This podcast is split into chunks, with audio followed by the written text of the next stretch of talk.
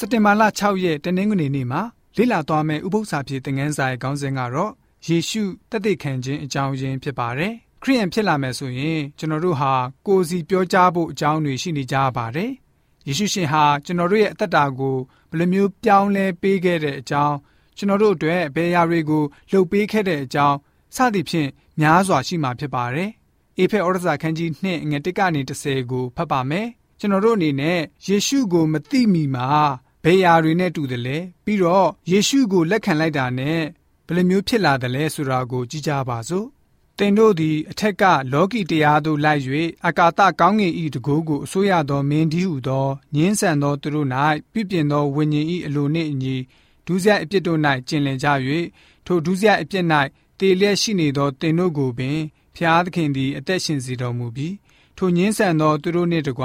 ငါတို့ရှိသမျှသည်အထက်ကကိုကာယ၏အလိုတို့၎င်းစိတ်၏အလိုတို့၎င်းလိုက်သဖြင့်ကာမဂုဏ်တို့၌ကျင်လည်သည်ဖြစ်၍ကျွင်းသောသူတို့ကဲ့သို့ပင်ပဂတိအတိုင်းအမျက်တော်ကိုခံရသောသူဖြစ်ကြ၏သို့တော်လည်းကရုဏာတော်နှင့်ကြွယ်ဝတော်မူသောဖျားသခင်သည်ငါတို့ကိုချစ်တော်မူသောမဟာမေတ္တာတော်အားဖြင့်ဒုစရိုက်အပြစ်၌တည်လျက်ရှိနေသောငါတို့ကိုခရစ်တော်နှင့်အတူအသက်ရှင်စေတော်မူပြီးကျေးဇူးတော်ကြောင့်သာကယ်တင်ခြင်းသို့ရောက်ရ၏ ယေရှုခရစ်အားဖြင့်ငါတို့ကိုထမ်းမြောက်စေ၍ကောင်းကင်အရက်၌နေရာပေးတော်မူပြီးအကြောင်းမူကားထိုသခင်အားဖြင့်ငါတို့၌ကျေးဇူးပြု၍ကျေးဇူးတော်၏အလွန်ကြွယ်ဝခြင်းကို နောင်ကပ်ကာလတို့၌ထင်ရှားစေမိအကြောင်းဖြစ်သည်။ယုံကြည်သောအဖြစ်ကျေးဇူးတော်ကြောင့်ကယ်တင်ခြင်းသို့ရောက်ရ၏။ကိုယ်အလိုအလျောက်ရောက်သည်မဟုတ်။ဖျားသခင်တနာတော်မူရာဖြစ်သည်။ကိုယ်ကုသိုလ်ကြောင့်ကယ်တင်တော်မူခြင်းသို့ရောက်သည်မဟုတ်။တို့ဖြစ်၍အဘယ်သူမျှဝါကြွားเสียအခွင့်မရှိ။ အဘဲကြောင့်နိဟုမူကားငါတို့သည် ကောင်းသောအကျင့်တို့ကိုကျင့်ရမည်အကြောင်း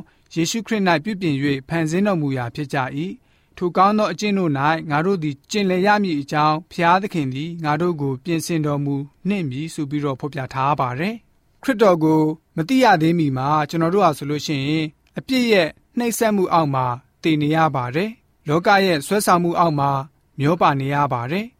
ကိုယ်ကာယတက်မဲ့ခြင်းရဲ့အာသာဖြေမှုကို ဖြည့်ဆည်းပေးနေရပါတယ်။ဒေါသမောဟနဲ့ကျင်လည်ကြရပါတယ်။ခရစ်တော်ကို မသိခင်မှာကျွန်တော်တို့ရဲ့အသက်တာဟာရည်ရွယ်ချက်မဲ့ပြီးတော့လမ်းစာပျောက်ဆုံးနေပါတယ်။ဝမ်းသာပျော်ရွှင်ရတဲ့အချိန်တွေလည်းရှိခဲ့ပါလိမ့်မယ်။ဒါပေမဲ့ကျင်တဲ့နှစ်သက်ဖွယ်ကောင်းတဲ့ပြည့်ပြည့်စုံတဲ့မျှော်မှန်းချက်မျိုးမဟုတ်ပါဘူး။ခရစ်တော်စီကိုရောက်လာပြီးတော့ခရစ်တော်ရဲ့မေတ္တာတော်ကိုနီးစမ်းကြည့်လိုက်တဲ့အခါလုံးဝ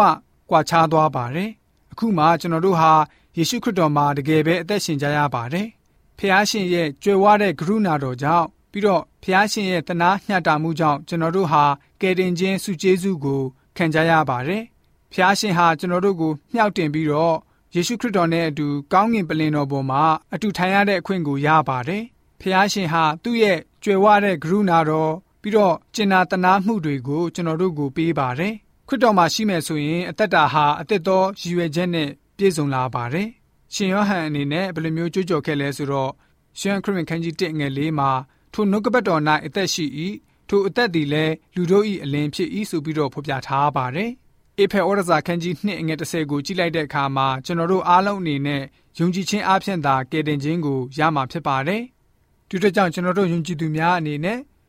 ကယ်တင်ခြင်းရရှိပြီဖြစ်တဲ့အတွက်ကြောင့်ဖျားရှင်တွင်တင်တော်မူတဲ့အတိုင်းလိုက်လျှောက်အသက်ရှင်တဲ့ယုံကြည်သူတွေဖြစ်စေဖို့အတွက် တနင်္ဂနွေနေ့ဥပုသ္စာဖြစ်တဲ့ငန်းစာကဖော်ပြထားပါတယ်။